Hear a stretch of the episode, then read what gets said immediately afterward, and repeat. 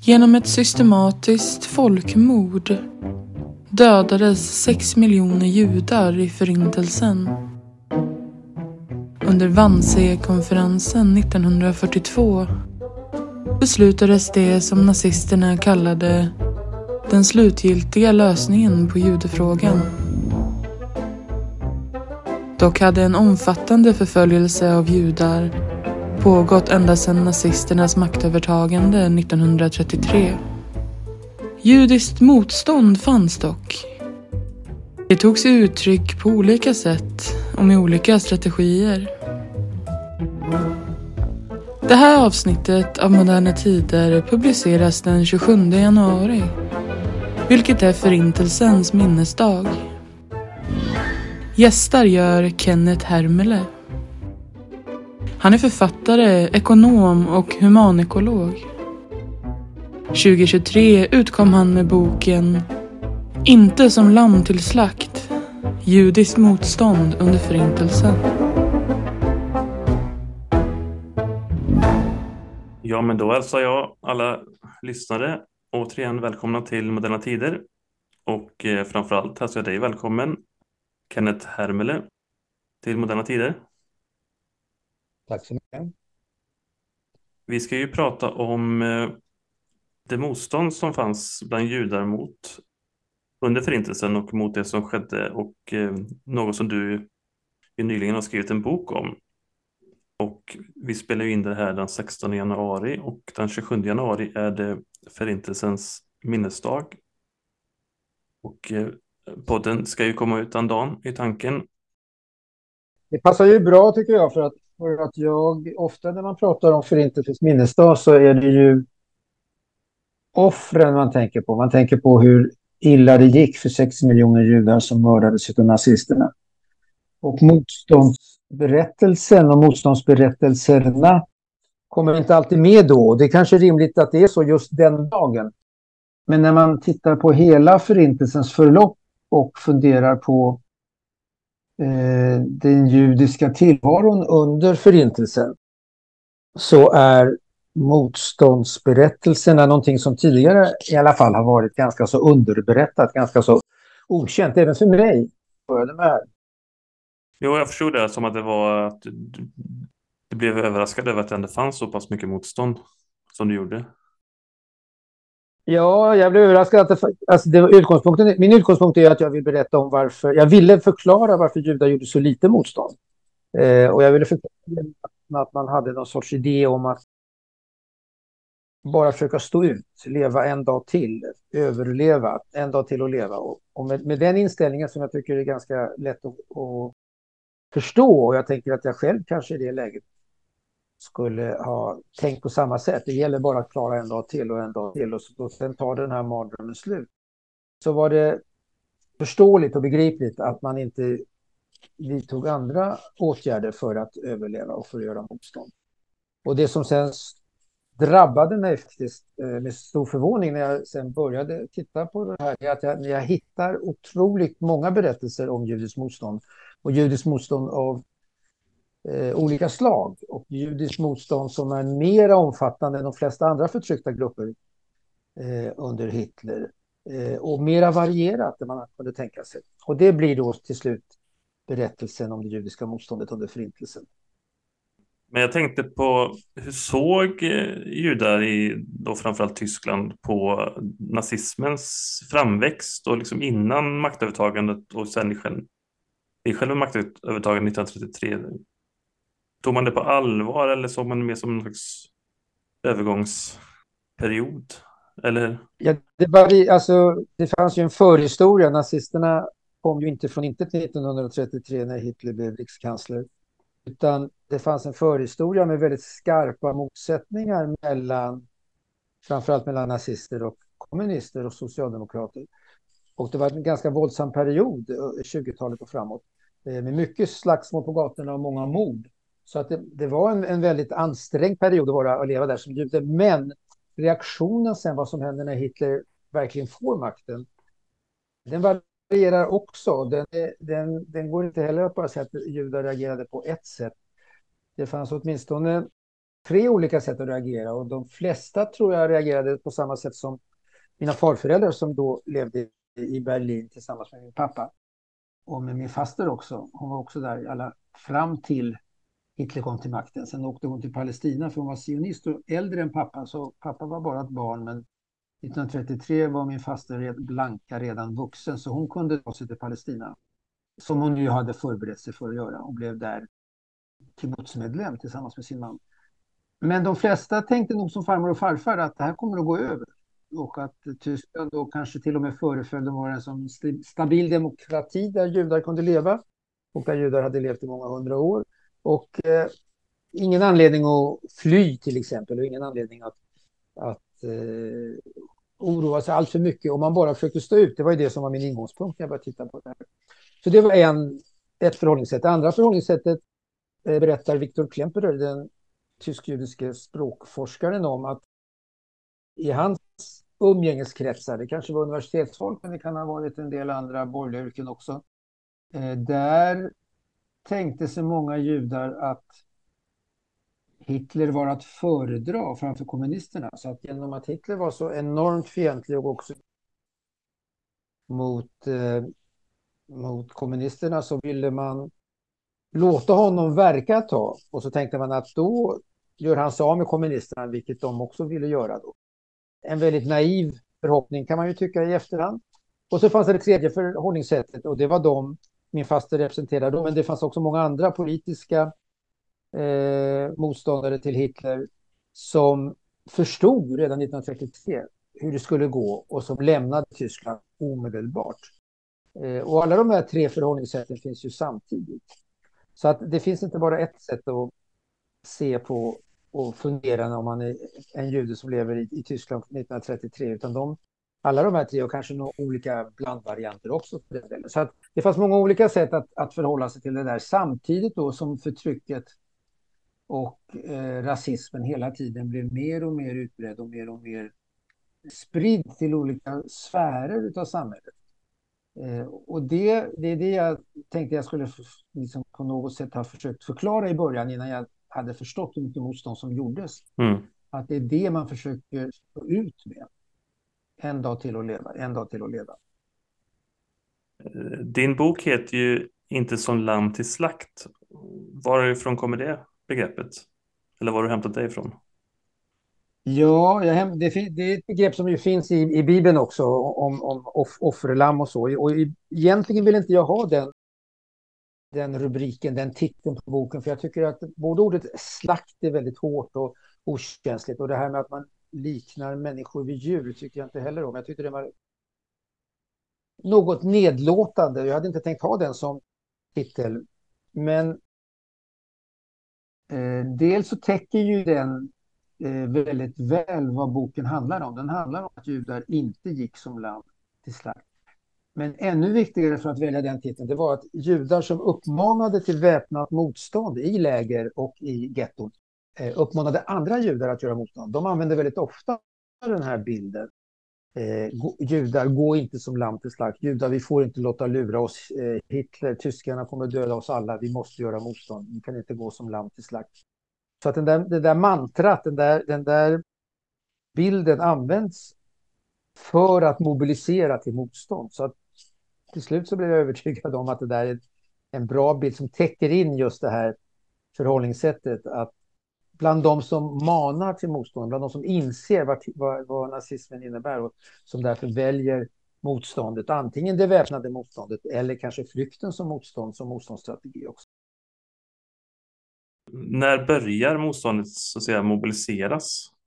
Sker det liksom tidigt efter nazisternas maktövertagande? Ja, det, det börjar ju mobiliseras så fort Hitler finns eller så fort antisemitismen och nazismen finns i den tyska verkligheten. Och, och, det, och det är ju länge judar som, som lever i Tyskland före Hitler och under Hitler, innan han får makten, eh, är ju medvetna om, om, det, nazist, om det antisemitiska förtrycket och om judehatet. Så det finns ju ett sätt att försöka upprätthålla ett judiskt liv och judiska traditioner trots att eh, man möter väldigt mycket hat och väldigt mycket förtryck och väldigt mycket fientliga lagar.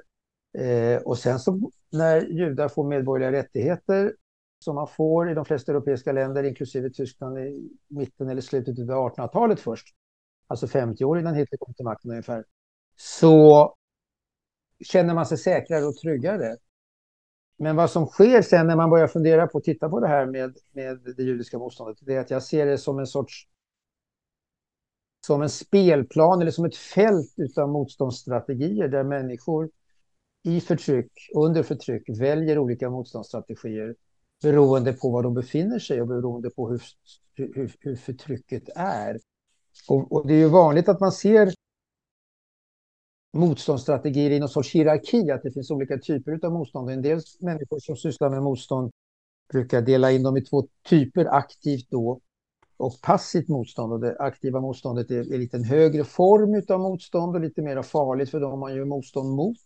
Och lite kraftfullare motstånd och det passiva motståndet är lite mindre, mindre ingripande i, i förtrycket och mindre skyddande kanske för judar. Eh, och den bilden är inte jag förtjust i. Jag tycker den här tanken att det finns ett passivt motstånd är väldigt missvisande därför att allt motstånd under förintelsen var farligt och allt motstånd krävde agerande, någon sorts handlande och det är därför inte passivt. Så det är både farligt och det kräver också en aktiv. Och dessutom så vill jag inte se eh, motstånd som en hierarki utan jag vill se det snarare som, som, ett, eh, som en solfjäder utav motståndsvägar eh, som människor väljer olika motståndsvägar. Eh, och man kan ju redan i min familj, där, den här familjehistorien jag berättar om, så finns ju olika strategier. Min faster som väljer fly, det är en motståndsstrategi. Eh, man lämnar, man, man drar sig undan, man gör det omöjligt för förtrycket att fortsätta för man tar sig någon annanstans. Det som mina farföräldrar ägnade sig åt det var att fortsätta livet som vanligt. Det är också en motståndsstrategi. Det var att fortsätta leva som judar, att fortsätta behålla sina traditioner, att fortsätta umgås med judar, att fortsätta gå till den judiska skolan som min pappa gick i, i Berlin. Det är också en motståndsstrategi. Så de där olika motståndsstrategierna finns samtidigt. I samma familj kan man välja, kan man välja olika. Och samma människa kan också välja, samma grupp kan också välja olika motståndsstrategier vart efter eh, förtrycket förändras, och efter situationen förändras. Och just i min pappas och far, farföräldrars situation så förändras ju de från att försöka stå ut och göra motstånd genom att fortsätta att leva i Tyskland trots att nazisterna vill fördriva dem, till att efter kristallnatten 1938 i november eh, bestämma sig för att lämna Tyskland. Så att de väljer också flykten, men mycket senare. Men det är också en det är liksom olika strategier. Men jag tänkte just på det här med att de som flydde, så fanns det några slags eh, moraliska tankar om, om det här med att fly och att inte stanna och göra motstånd till exempel? Det fanns ju en motståndsstrategi som, som, sa, som sa så här att eh, Hitler vill bli av med oss judar, vi gör motstånd genom att stanna kvar. Han ska inte bli av, han ska inte bestämma var judar ska bo och vi judar är lika mycket tyskar som alla andra och därför har vi rätt att bo kvar här precis som alla andra. Och om Hitler vill bli av med oss, då gör vi motstånd genom att stanna kvar. Och det verkade ju som en väldigt eh, djärv motståndsstrategi, men väldigt ödesdiger också. För att till slut så visade det sig att det blev för sent. Eh, och då går man in i nästa, ja, då hamnar man plötsligt i ett getto. Man deporterar från Berlin till någon annanstans, eller från Tyskland, och Österrike, Tjeckoslovakien. Så småningom kommer man att deporteras till ett getto och där eh, har man ju också Eh, problem med vilken motståndsstrategi man ska välja. Och, och den här uppmaningen till att inte gå som lamm till slakt, det är ju en motståndsstrategi i gettona.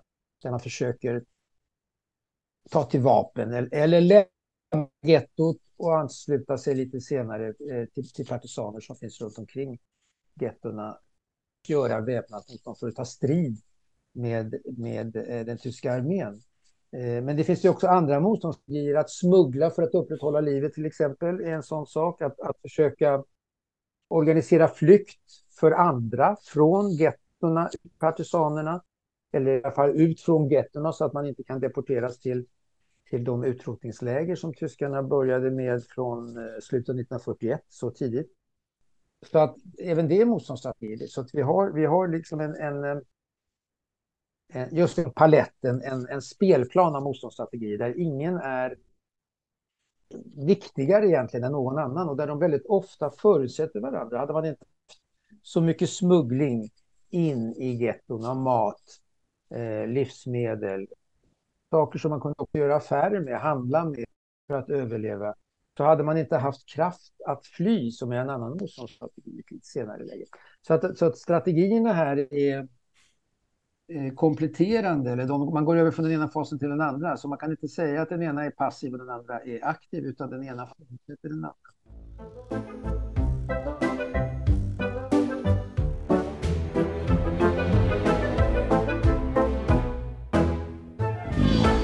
Men fanns det de som flydde som ändå fortsatte till exempel att stödja människor som fanns kvar inne i Tyskland även på de ockuperade områdena sen, senare? Ja, men det fanns ju väldigt mycket stöd från judar runt omkring som ville stödja de judar som fanns både i, i getton och i koncentrationsläger. Man samlade in pengar, man samlade in mat, man försökte skicka mat eh, från USA, från de delar utav de få delar av Europa som inte var ockuperade av Hitler, från, från Storbritannien, från Schweiz, från Sverige. Eh, man försökte också stötta motståndet mot Hitler genom att försöka få sina egna regeringar, alltså från Storbritannien, USA, Sverige och Schweiz att ta emot judiska flyktingar. Men, men eh, antisemitismen var så stark att man på de flesta håll inte ville öppna sina gränser för judar. Så att även judar som ville ta sig ut och som kanske till och med kunde ta sig ut hade ingenstans att ta sig. Därför att mot, mottagarna stängde sina dörrar, de, där dit man hade kunnat fly. Ja, Sverige till exempel eh, stängde, eh, sa väl nej till judisk invandring, i alla fall till en början. Sverige sa nej till judiska flyktingar eh, ganska så tidigt, från 1938 och framåt, och man var inte särskilt positiv till det innan heller. Så att man hade, man hade en väldigt negativ syn på, på judisk invandring till Sverige och man var, man var inte tillräckligt aktiv heller för att hjälpa de norska judiska flyktingarna. Där var en stor del av de norska judarna skickades iväg, Eh, deporterades och dödades. Men efter det, och man kan säga att efter det att kriget vänder eh, 1943 i Stalingrad, så förändras den svenska politiken, både med erfarenhet av vad som hände med norska judar och att kriget Hitler inte längre uppfattas som lika troligt att han kommer att segra i kriget, så öppnar man ju gränsen för de danska judarna. Men fram till dess, men man öppnar inte gränsen, då är det, då är det nästan omöjligt heller för judar att fly ut ur, ur det ockuperade eh, Europa. Så att, så att, men, men, när det hade kunnat vara viktigt för judar att få en fristad i Sverige, då, då var den svenska gränsen stängd. Men fanns det judar i Sverige som så säga, stöttade motståndsrörelser? Ja, genom den här typen av insamling och den här typen av opinionsbildning för att få Sverige och alla andra att, att förstå vad Förintelsen innebar. För att liksom driva på de allierade att de skulle bomba järnvägslinjerna som förde judar till, till utrotningslägren. Så att det, det fanns ju en, en, sådan opinionsbildning som, som drevs, inte bara av judar i Sverige, men, men, men också ut, utav judar. Eh, så att, så att det pågick ju hela tiden ett arbete och att få, att ja, då, då var det huvudsakligen att rädda judar om de skulle kunna gå. Så att, så att man, och det kom ju hela tiden förfrågningar till Sverige om Sverige kunde ta emot judiska flyktingar. Och, och den judiska församlingen, eh, som på den tiden hette den mosaiska församlingen i Stockholm, blev hela tiden tvungen att, att yttra detta, att försöka tala om att man hade resurser för att ta emot och eh, försörja de judar som kom hit så att de inte skulle ligga Sverige i, i övrigt till last. Så det, det, fanns, det fanns ett eh, Judar försökte på alla möjliga sätt att stötta andra judar. Men de kunde ju inte göra mer eftersom de inte kunde bestämma om hur många som fick komma in i Sverige. Nej. Jag tänkte om de stöttade med pengar och andra resurser och sånt. Ja, pengar och mat och uh, man uppmuntrade ju också den här, den här uh, de två räddningsaktioner som, som ju blev viktiga. Den ena den som är förknippad med Raoul Wallenbergs namn som, som kom uh, till Budapest eh, ganska så sent i kriget men ungefär samtidigt som nazisterna började tömma på 400 000 judar som man ville skicka i döden där Sverige tack vare Wallenberg kunde rädda en hel del. Och, och judar var också viktiga för att få till den överenskommelse med, eh, med Himmler i krigets slutskede där, eh, som gjorde det möjligt för de röda bussarna eller de vita bussarna med Röda Kors att ta sig till eh, koncentrationsläger och befria de fångar och föra dem ut ur det då sönderfallande Tyskland. Eh, där var också judiska röster och judiska pengar inblandade för att allt detta skulle bli möjligt att göra. Alltså det ena förknippat med Wallenberg, det andra förknippat med Bernadotte. Men hur mycket liksom var det koordinerat ett motstånd eller var det mer liksom enskilda grupper eller fanns det någon eh, samlänkans eh, koordination? Ja, det, fanns en sam, det fanns ju en samverkan som, via, via den judiska församlingen och, och, det fanns ju många judiska röster i Sverige som tyckte att den judiska församlingen var för passiv. Eh, om man ville göra mera. Men, och, samtidigt var det en ganska besvärlig situation för de som var på församlingen för de skulle ju då försöka hantera en svensk regering som var ganska så fientlig till att ta emot judar. Så hur gör man då för att kunna få svenska regeringen att gå med på att öppna gränsen lite mer, att ta emot några till? I, i ett läge där, där Sverige inte vill, där Sverige säger nej hela som, ungefär som man gjorde på många andra håll. Så att koordinerat, ja. Eh, motsättningar i den judiska gruppen där många tyckte att man skulle göra mycket mer, ja. Eh, men ändå gjorde man ganska mycket också. Jag tänkte även bland alltså, de människor som var i, i skarpt läge i Tyskland och i de som gjorde motstånd, alltså på plats, om man säger så. Var det liksom enskilda aktioner eller fanns det någon slags samlänk? Nej, det var nog... Ja, det, det, när man tänker på det motståndet som fanns i Tyskland just så var det ju en grupper av, av judar, ibland blandade judar och icke-judar som gjorde motstånd mot, mot nazisterna. Förtrycket var ju så otroligt hårt och konsekvenserna man blev avslöjade var ju så otroligt eh, drastiska och dramatiska och våldsamma. Så att, så att eh, svårt. Det var inte så att man kunde ha liksom några offentliga möten utan allting skedde ju underjordiskt och i hemlighet. Glasutdelning. Man gjorde några försök i Tyskland på att spränga eh, och på olika, sabotera och avslöja nazisterna. Eh, in, inte samordna skulle jag säga att det var. När det gäller situationen i de getton som upprättades, framförallt i Polen, så var det mera samordning faktiskt, paradoxalt nog, trots att det var mycket svårare för människor att röra sig där.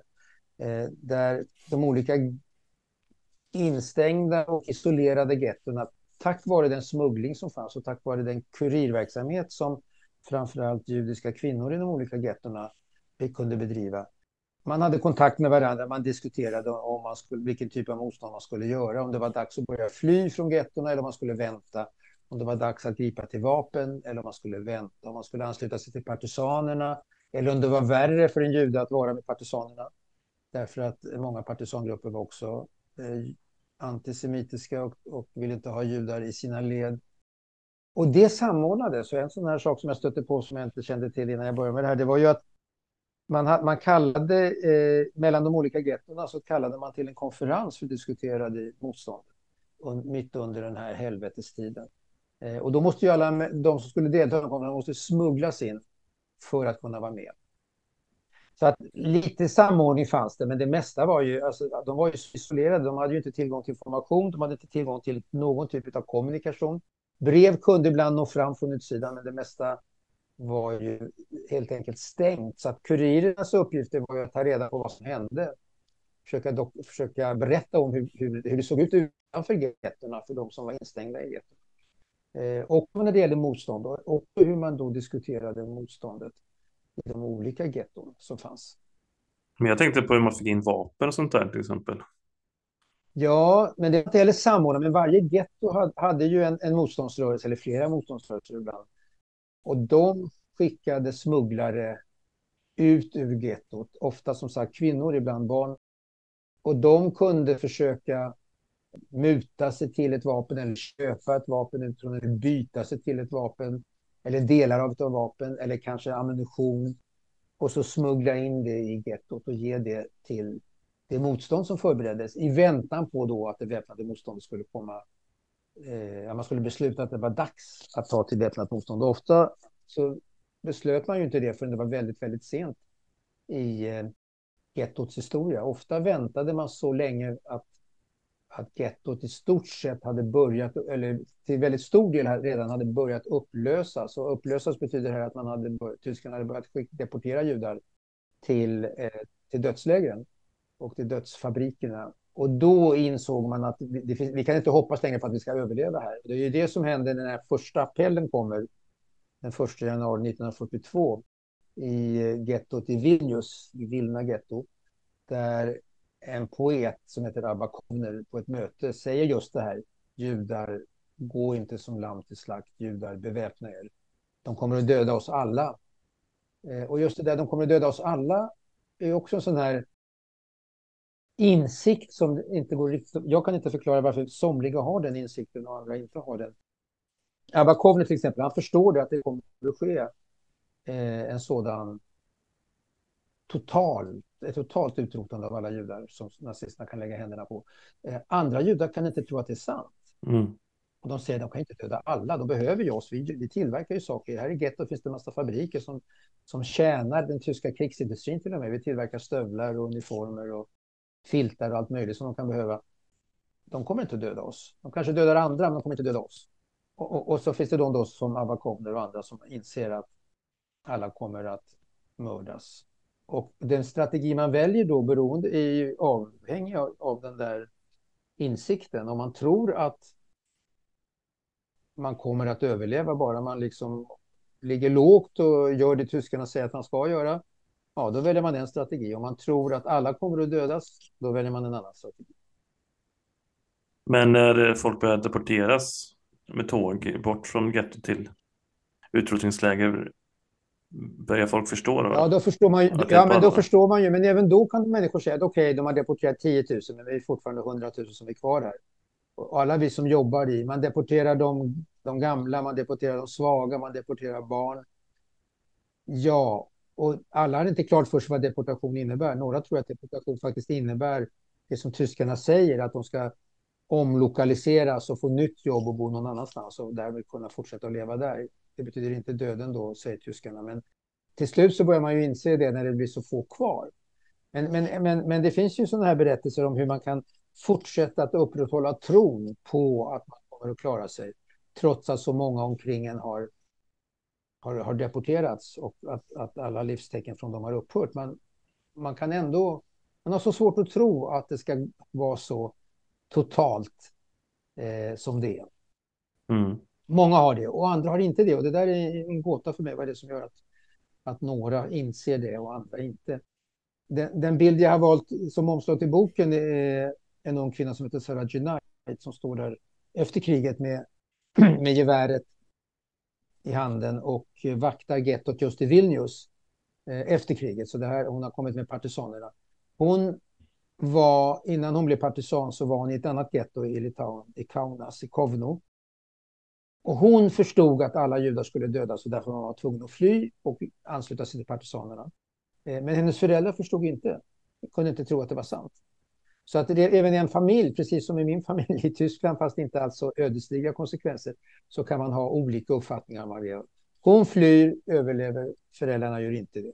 Så att, eh, och jag har ingen förklaring på varför hon, hon, hur hon kunde veta att det var som det var. Och varför föräldrarna kunde invaggas i någon sorts föreställning om att det här kommer nog att gå bara vi håller ut.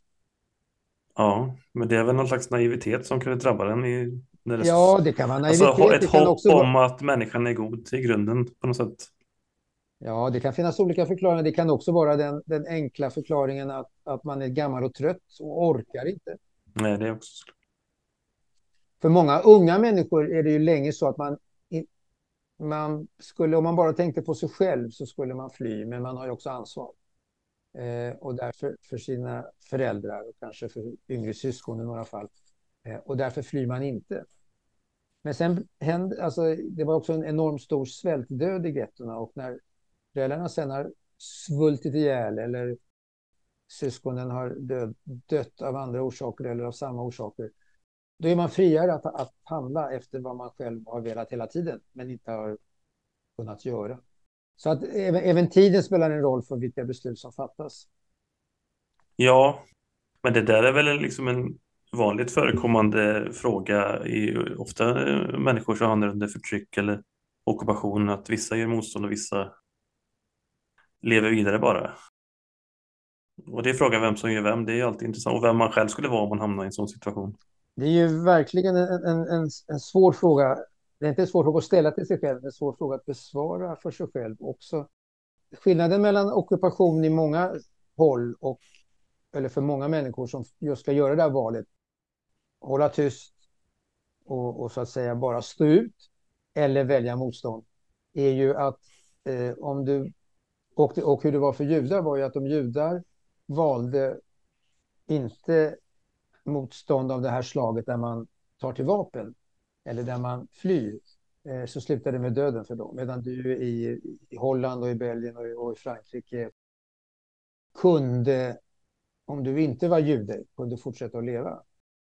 Du, du, fick, du, kunde, du, du kunde ju fatta samma beslut, det gäller bara att stå ut. Ja, och då kunde du göra det. Och så fick du istället efter kriget ta itu med det här som har att göra med vilken typ av människa du är när det gäller att göra motstånd, inte göra motstånd. Men hade du, när du judar valde samma val, då slutade du med död. Ja, det blir en mer existentiell fråga, helt enkelt. Ja, det blir ju en mer ödesdiger fråga för dem. Bägge frågor är, är, är, ju, är ju viktiga. Men det finns en skillnad här och det har att göra med den, med den rasismen i den tyska politiken. Samma sak om du är rom, samma sak om du tillhör Jehovas vittnen, samma sak om du var kommunist. Att det fanns ju många olika sätt att att eh, det fanns må, många olika grupper som hade att ta ställning till ungefär till samma omöjliga valsituation som judar hamnade i. Men eh, är det ändå så att liksom motståndstanken växer för fler ju längre man, tiden går då? Att man inser att det här kommer inte sluta bra? Ja, men eh, alltså, min, min, min, min beskrivning av det här är ju att det finns ett, ett fält av olika motståndsstrategier och, och beroende på var man befinner sig i den här processen mot den totala utrotningen av sex miljoner judar så väljer man olika motståndsstrategier. Det är också frågan om vad som är möjligt att göra. Om du, om du befinner dig i ett getto i en storstad där det inte finns någonstans, finns ingen skog att gå till, det finns inga olä, e, e, oländiga marker att ta, det kanske är långt till partisanerna. Den flykt du då försöker göra därifrån har andra förutsättningar att lyckas än den där du befinner dig nära ett skogsområde, nära partisaner. Så att det är mycket som spelar in här när, när för, för, för, att kunna säga hur det kommer att gå. Eh, men det är också en del som spelar in som handlar om smugglingen och vilken, hur lätt och svårt det är att smuggla. Många judar som lämnar det största gettot av alla, det som var i Warszawa, och flyr, hamnar, göms ju utanför gettot i, i samma stad, i Warszawa fortfarande, av, av polacker. Så att de, blir, de gör motstånd genom att fly men de ansluter sig inte alltid till partisaner för det är för långt bort. Det är svårt för dem att ta sig dit. Hur många var det som lyckades fly från getton? Var det, liksom, var, det, var det många som gjorde det? För jag tänker att ändå tyskarna hade ganska hård kontroll, eller? Ja, det, nej, det var inte många som flydde, men det finns ju några berömda. Alltså, den vanligaste massflykten, en, enskilda flyktförsök och enskilda lyckade flykter har ju funnits från alla getton och från alla transporter också för den delen under hela tiden. Men, men stora flyktrörelser från gettona eh, är, framför, är inte så vanliga. De är antingen förknippade med, med eh, att man, det sista upproret, att man, man försöker bryta sig ut ur getton. Man kan vara tusen människor som försöker ta sig ut från ett getto. Hälften av dem stupar ungefär innan de kommer ut ur gettot eller på väg alldeles utanför. Så att av de där tusen är 500 kvar och sen så dör ytterligare hälften av dem kanske. Så, så att till slut så är det två av tio, en av tio kanske överlever. Så alltså det är väldigt dåliga odds att komma upp. Sen finns det några berättelser, till exempel gettot i Minsk då i Belarus huvudstad som var ett stort getto. Där lyckades ungefär 10 000 fly. Mm. Och det har att göra med att det juderåd som, organi som organiserade livet i eh, det gettot eh, samarbetade med motståndsrörelsen och motståndsrörelsen samarbetade med partisanerna utanför. Och så att man kanaliserade, man liksom hade en aktiv flyktingpolitik och därför fick man en flyktingrörelse på så många som 10 000. Det är nog den största rörelsen ut ur getton som jag känner till. Men det var inte vanligt, eh, utan det vanligare var tyvärr att det var, det var som, alltså som det var i Warszawa. Warszawa var 400 000 människor i en hel stad. 100 000 av dem svalt ihjäl i gettot nästan alla de 300 000 som var kvar eh, deporterades.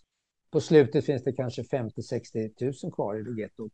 Då kommer det väpnade upproret i Warszawas getto 1943. Det är en av de mer kända upp, upprorshandlingarna. Ja, precis. Det är ett av de mest kända. Det finns några, några kända eh, väpnade motstånds och upproret till Warszawas getto är ju det mest kända. Det pågår nästan en hel månad i april 1943.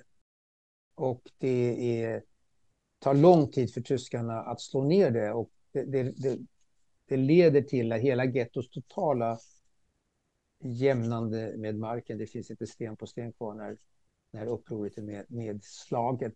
Men det är typiskt i den här meningen att det kommer sent i gettot. De flesta som var i Warszawas getto har antingen svultit ihjäl eller eh, deporterats.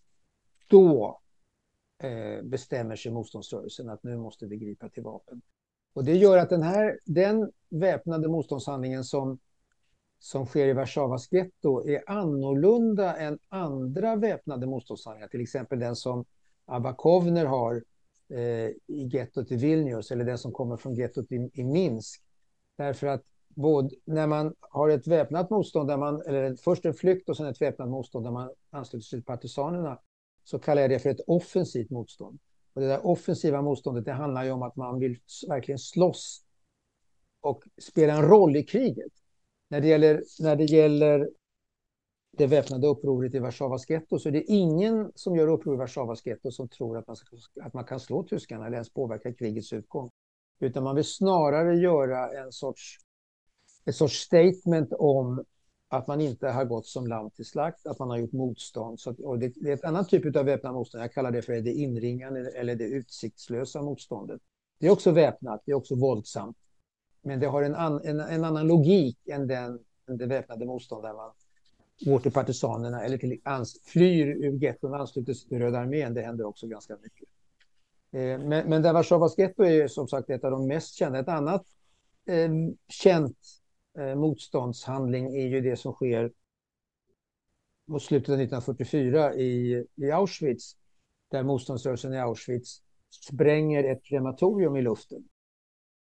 Det är också en, en, en, en liksom kraftfull motståndshandling. Och den räknar jag också in i den här kategorin av, av, det, av det utsiktslösa, inringade motståndet. De tror inte att de ska besegra tyskarna. De vill, liksom de vill, de vill kasta grus i maskineriet. De gör det svårare. De vet att Röda armén är på väg. De vill göra det svårare för tyskarna att mörda. Och därför förstör man en del av mordapparaten. Men det finns en intressant historia som pekar på de här olika eh, motståndsstrategierna som jag försöker lägga ut på det här fältet i den här, i den här solfjädern utan motståndsstrategier eller paletten utan motståndsstrategier. Och det är att man, om man ställer sig frågan, okej, okay, nu sprängde man ett krematorium i Auschwitz. Hur var det möjligt att göra? Ja, för att kunna göra det så måste ju, och det var framförallt män som gjorde den här handlingen, den här aktionen, den här motståndsstrategin så måste de få tag på sprängmedel. Hur fick de tag på det? Jo, kvinnor som jobbade i en ammunitionsfabrik i det som kallas för Auschwitz 3 vanligtvis, alltså den delen av Auschwitz som var ett slavarbetsläger, en ganska stor del av Auschwitz. Auschwitz bestod av tre delar, dels ett vanligt koncentrationsläger, eh, den här berömda portalen, Arbeit macht frei, eh, dels ett, ett dödsläger då, Auschwitz 2 eller Auschwitz-Birkenau, där, där gaskamrarna och eh, och krematorierna fanns. Och dels Auschwitz 3 då, som var en fabriksanläggning, ett jättelikt fabriksområde för stora tyska koncerner där man sysselsatte slavarbetare. Kvinnorna jobbade där på en ammunitionsfabrik. De smugglar ut i sina, på insidan av sina fångdräkter små, små fragment, höll jag nästan på att säga. Små, små, små mängder av sprängmedel som de lämnar över till de män som så småningom gör en molotovcocktail och, och bomber som gör att det är möjligt för dem att spränga det där krematoriet. Så kvinnornas motståndshandling är ju inte en väpnad motståndshandling utan det handlar mer om smuggling och det handlar om att, att ta saker in i lägren eller och mellan olika läger. Eh, vilket också var förbjudet och också var livsfarligt. Och för de här kvinnorna som genomförde den här eh, aktionen, smugglingsmotståndet, förutsättningen för att kunna spränga krematoriet, de hängdes alla av tyskarna mot slutet av kriget. Så att, så att, lika farligt som att spränga ett krematorium är att smuggla. Så de där strategierna stöttar varandra och hänger ihop. Och det är det, som är, det är det man ser när man lägger ut motståndsstrategierna i de här fem olika kategorierna som jag jobbar med eh, och försöker systematisera dem. Och man ser också där andra som kvinnorna som jobbar på ammunitionsfabriken i Auschwitz är ett exempel på att kvinnor har väldigt speciella, de kvinnliga motståndskämparna har väldigt speciella roller i det judiska motståndet. Som smugglare, som kurirer, som sambandsmänniskor, som sambandskvinnor som, som håller, upprätthåller kontakten mellan de olika getton och mellan olika läger och så. Så att kvinnor har en väldigt speciell roll i motståndet som man inte ser om man bara tittar liksom på slutpunkten, om man bara tittar på det väpnade motståndet. Där är också kvinnor med, men de är inte lika på de andra motståndsformerna, kurirer och smuggling, där är kvinnor dominerande. De står för två av tre av smugglarna, två av tre av kurirerna är kvinnor. Också en livsfarlig, också en livsfarlig motstånds, motståndsstrategi därför att de Eh, blir de avslöjade så blir de omedelbart avrättade. Och, och livslängden för en kvinnlig judisk kurir brukade aldrig överstiga, vanligtvis inte överstiga två månader. Sen avslöjas de på något sätt av någon anledning och blir avrättade. Men uppenbarligen fanns det ju svagheter hos tyskarna om man lyckades med en sån aktion till exempel som i Auschwitz. Ja, ja, det, jo, det är klart att det fanns. Det, fanns tyskar som var mutbara. Det fanns ukrainska vakter som man också kunde muta. Eh, det fanns väl något fall, men det var väldigt sällsynt, några fall att det fanns tyska soldater eller tyska SS-män som det väldigt ofta var i lägren, eh, som inte var lika, lika antisemitiska, inte lika mycket judehatande som eh, deras, som de överordnade. Men, men det var väldigt sällan. Men det är klart att det fanns Eftersom tyskarna hade en idé också om att judar var passiva och judar var Eh, gjorde inte motstånd. Och eftersom de hade en idé om att kvinnor överhuvudtaget var passiva, medan män då, eh, framförallt tyska män, ariska män, skulle vara aktiva, så för, förväntade de sig inte heller motståndshandling. Och det kunde man ju då utnyttja eh, från det judiska motståndets håll.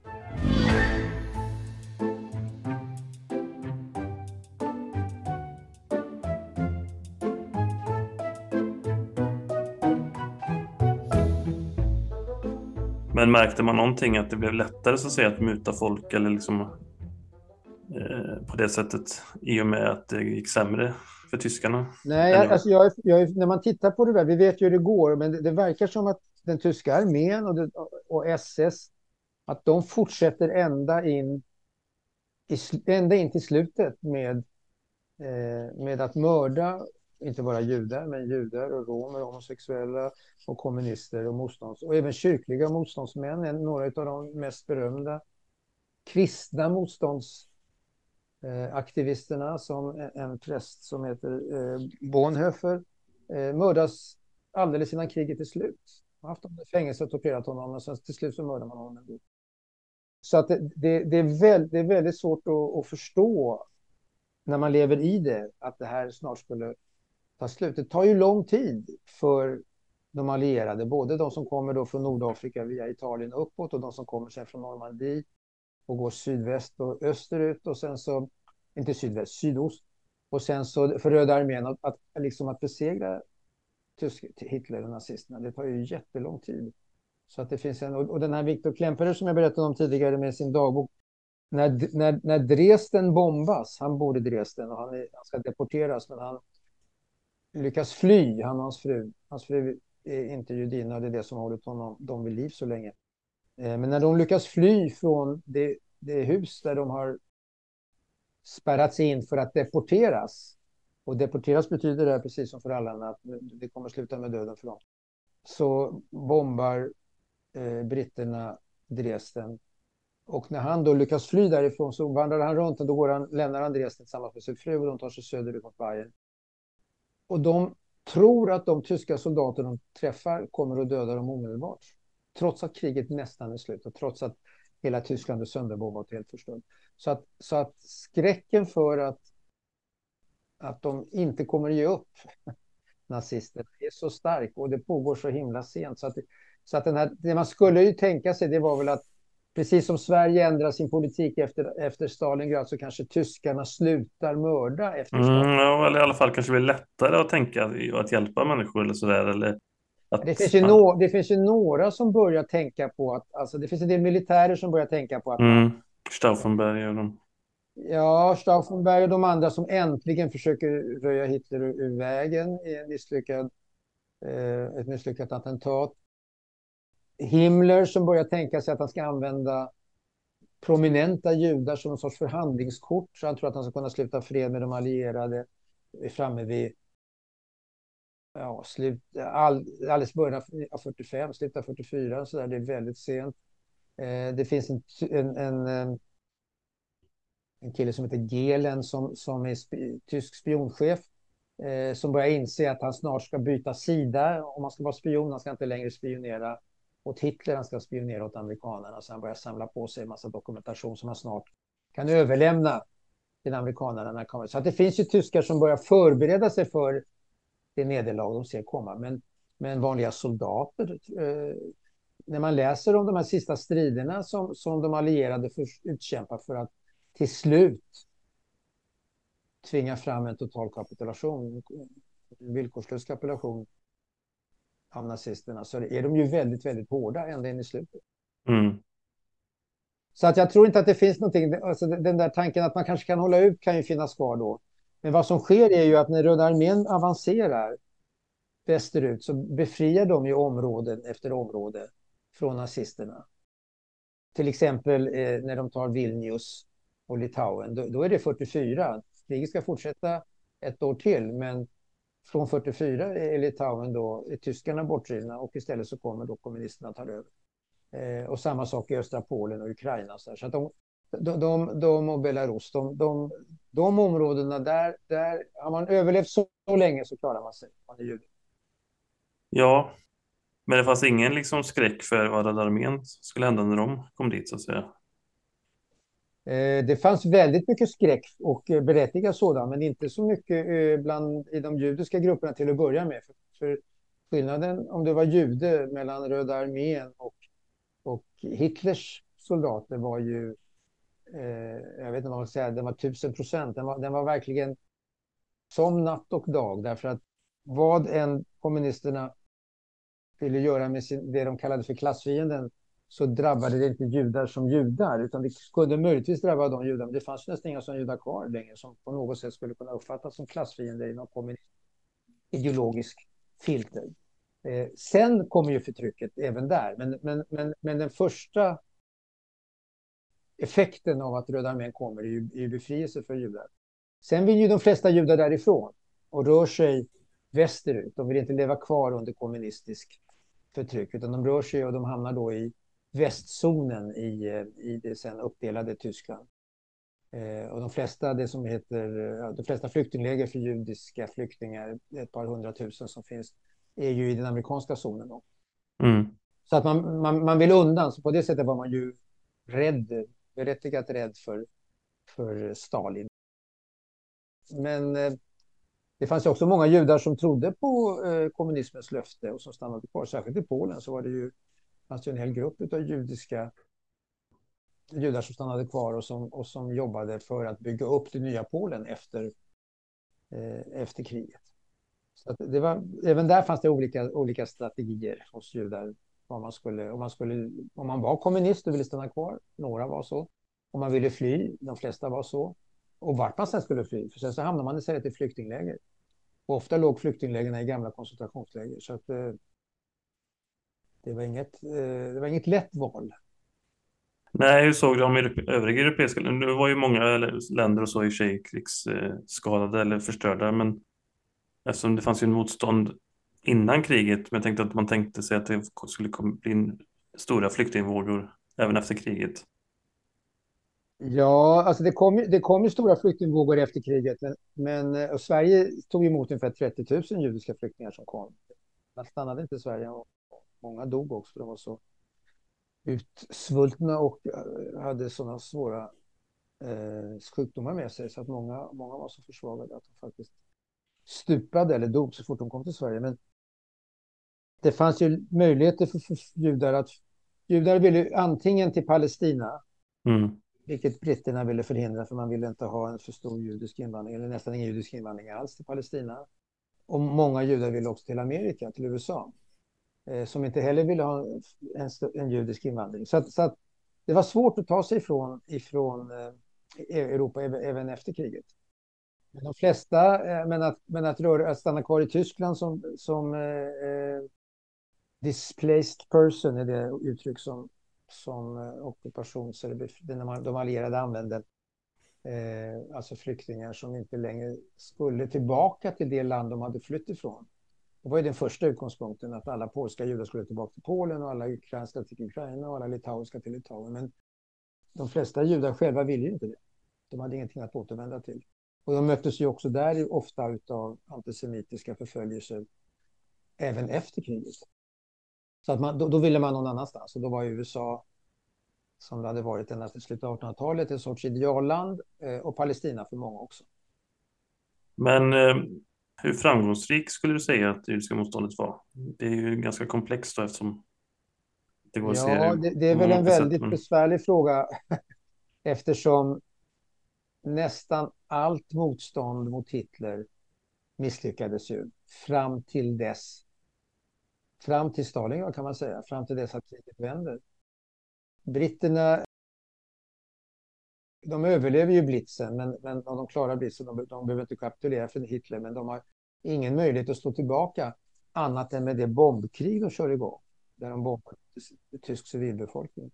Så att först i och med eh, vändpunkten i Stalingrad, i och med Storbritannien och USAs invasion av Nordafrika Eh, och sen Normandie då, 1944, så vänder kriget så att allt annat motstånd, all, motståndsrörelsen i Frankrike, motståndsrörelsen i Belgien, motståndsrörelsen i Holland och i Danmark och i Norge, inklusive det, det judiska motståndet, är ju eh, maktlös är fel ord, men i alla fall är alldeles för svagt för att, för att rå på tyskarna.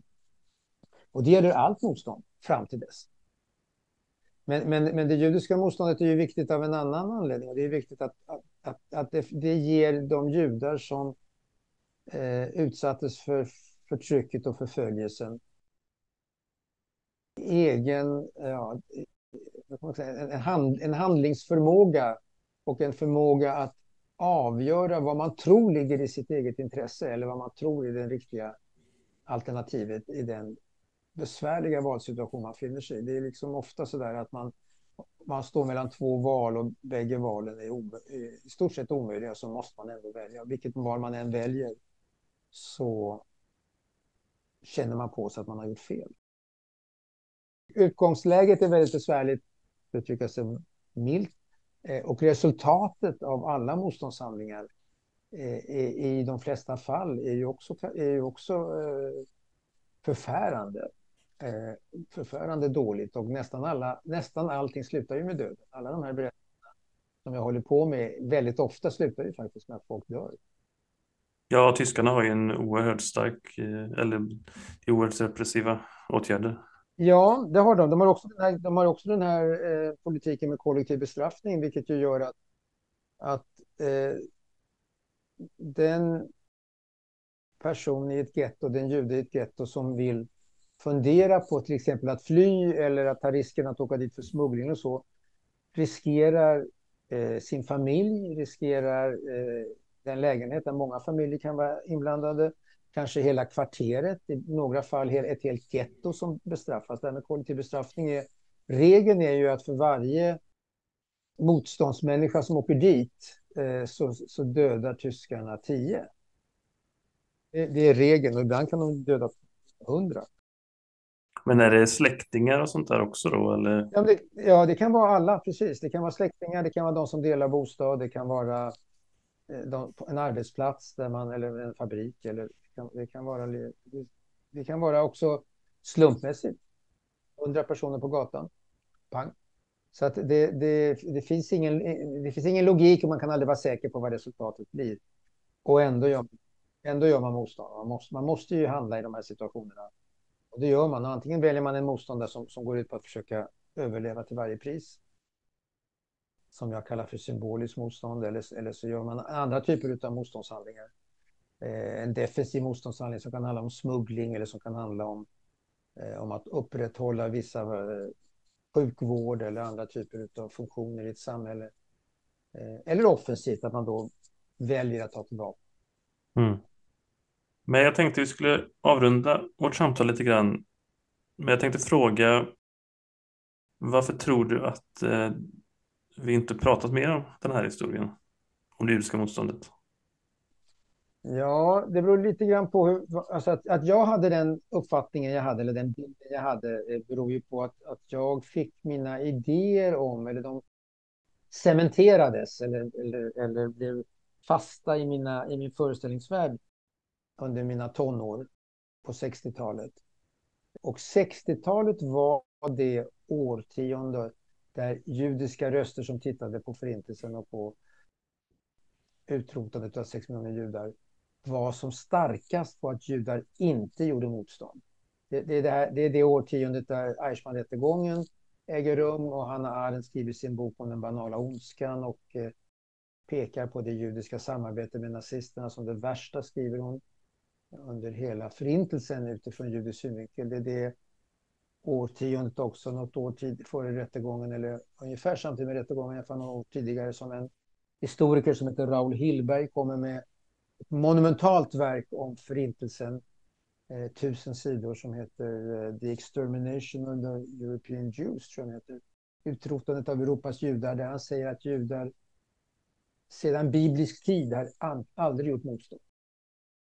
Bruno Bettelheim, en österrikisk-amerikansk judisk barnpsykolog, säger att judar lider av gettomentalitet och det böjer sig bara och gör aldrig motstånd. Så att under det decenniet så var man även i judiska kretsar väldigt, väldigt fokuserad på att judar inte gjorde motstånd. Ett decennium tidigare, hade jag var tio år äldre, 50-talet, så var judar som funderade på när man skulle börja skriva historien om förintelsen väldigt upptagna av det judiska motståndet. Och det var ofta människor som hade historiker, eh, författare som hade varit med om förintelsen själva, som själva hade suttit i läger, som själva hade flytt ur getton. Eh, de ville forska på, de ville beskriva det judiska motståndet. Och om man går 10 eller 20 år efter då, fram till 1980 ungefär, så börjar judiska feminister titta på hur judiska kvinnor gör motstånd för att överleva i getton, bland partisaner. För att se den speciella situationen som judiska kvinnor har, både judar och förföljda för att de är judar, men också speciella utsatt, en speciell utsatthet för att de är kvinnor. Så att just 60-talet blir en sån här period då, den judiska passiviteten slås fast. Och det är tyvärr där, där jag växer upp och tyvärr där jag får min bild. Hade jag varit lite yngre så kanske jag hade gått med de judiska feministerna. Hade jag varit lite äldre så hade jag förstått de judiska Eh, forskarna lite tidigare. Det är den ena. Sen finns det två, två berättelser till, som, eller två förklaringar till varför den här historien om judisk passivitet har blivit så stor. Den ena är att den passar ju väldigt bra in med den vanliga antisemitiska föreställningen om judar. Som säger att judar är opolitliga, lismande, falska, aldrig tar ställning, aldrig säger vad de tycker, som inte går att lita på. Och, eh, och därför så är bilden av, den bilden har är ju ganska vanlig i kulturen också. Det finns, det finns tecken på hur den, hur den sprider sig i skämtteckningar och skämttidningar ja, från slutet av 1800-talet i Sverige till exempel och framåt. Och då passar föreställningen om att judar är just så där svåra att, att eh, sätta fingret på, svåra att få att, att visa sina kort, eh, passar in i det. Och så lägger vi till då den sionistiska berättelsen, den som säger att judar i Europa är passiva, men judar i Palestina och judar i Israel är någonting annat. Eh, kraftfulla, beväpnade, handlingskraftiga, praktiska. Medan judar i Europa sitter bara och studerar Toran och eh, försöker bara krypa om de blir förföljda. Så att det finns, det finns liksom olika förklaringar till varför den där bilden har varit så stark. Men jag tror att den numera håller på att ifrågasättas eh, mer och mer, inte bara av mig men av många andra också. Jag, hela, hela mitt arbete baseras ju på, bygger ju på det andra har gjort också. Och, och eh, både de här eh, eh forskarna som eh, under kriget och efter kriget dokumenterade eh, motståndet och också den feministiska eh, beskrivningen av det judiska motståndet och speciella motstånd som judiska kvinnor utövade eh, kan, har jag kunnat använda och ta till mig. Så att jag tror att den här berättelsen idag är mycket mera nyanserad och mycket mera erkänner det judiska motståndet på ett annat sätt. Men sen för att komma tillbaka till, det kanske inte är något roligt sätt att sluta ett samtal på, men, men din fråga alldeles nyss när du frågade liksom hur betydelsefullt var motståndet, så var det ju inte betydelsefullt när det gällde att knäcka den tyska krigsapparaten. Det enda som kunde göra den tyska krigsmaskinen, det var ju de allierades styrkor. Och där spelade i och för sig partisanerna en stor roll. Så att de judiska partisanerna var 30 000 judar som var partisaner. Ungefär 15 procent av alla partisaner var judar. De var viktiga på vissa avsnitt av på ostfronten där, tillsammans med Röda armén som pressade tyskarna bakåt och som band upp ganska så mycket av de tyska eh, stridskrafterna på, de, på, de, på de avsnitten där. Så där fanns det också en, en, ett, eh, ett viktigt eh, bidrag av det judiska motståndet genom partisanerna. Och så kan vi lägga till de ungefär en och en halv miljon judar som var soldater i Röda armén och, i den, och hos amerikanerna.